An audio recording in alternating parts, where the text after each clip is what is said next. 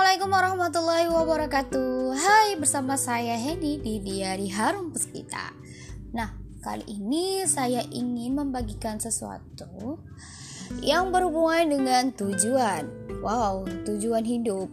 Siapa sih yang gak punya tujuan hidup sampai sekarang ini? Mungkin ini terdengar sepele ya tapi tujuan hidup itu sangat penting guys.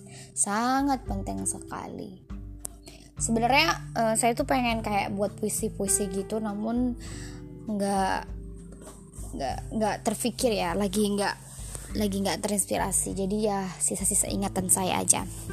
Jadi ceritanya gini kamu udah umur berapa sih? Gitu.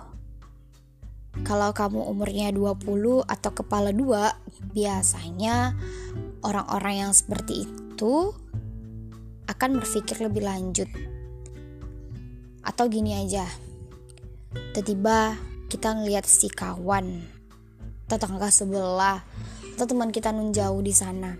Mereka udah pada berhasil nih, sedangkan kita enggak. Kita masih gini-gini aja, stagnan di sini aja. Terus berjalan juga di sini aja. Ada lagi yang masih belum tahu tujuan hidupnya gimana hey. Sebenarnya kasusnya sama ya. Yang satu memang udah punya impian tapi masih stagnan di situ aja masih berjalan di situ aja nggak maju-maju. Yang satu lagi malah nggak punya tujuan sama sekali. Terus solusinya adalah kita nggak perlu tahu masa lalu itu gimana. Tapi kita tuh pertama mulai aja dulu rancang aja dulu masa depan. Ya walaupun yang stagnan itu kalau bisa dibilang kan perjuangan mereka yang lalu-lalu mungkin juga seperti saya yang lalu-lalu itu dianggap sebuah trial ya uji coba. Dan kemungkinan ya kemungkinan terbesarnya perjalanannya itu hanya setengah lagi bisa kita selesaikan Sedangkan yang belum punya impian sama sekali, ya dia harus memulai dari nol. Kalau menurut saya sendiri, kita sama kok posisinya, sama-sama mulai dari nol. Tapi yang terpenting adalah kita tuh memulai kembali gitu. Memulai kembali, nggak perlu tahu atau nggak perlu insecure terhadap orang lain gitu. Kita tuh harus percaya sama diri kita sendiri This is about our life. Ini adalah kehidupan kita. Dan kehidupan kita ini yang bahagia pasti kita, bukan orang lain.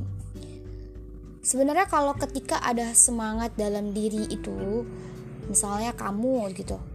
Kamu tuh punya semangat dalam diri. Memang udah bawaannya.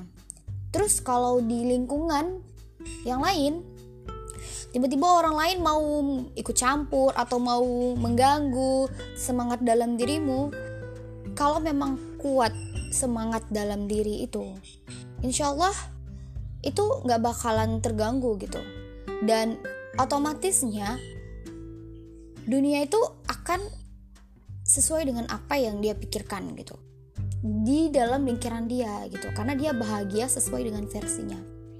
Tapi kalau seandainya kita punya ke keinginan cita-cita tapi kalau nggak kuat terus tiba-tiba lingkungan kita entah gimana itu bisa rentan terhadap uh, ambiar kalau saya bilang.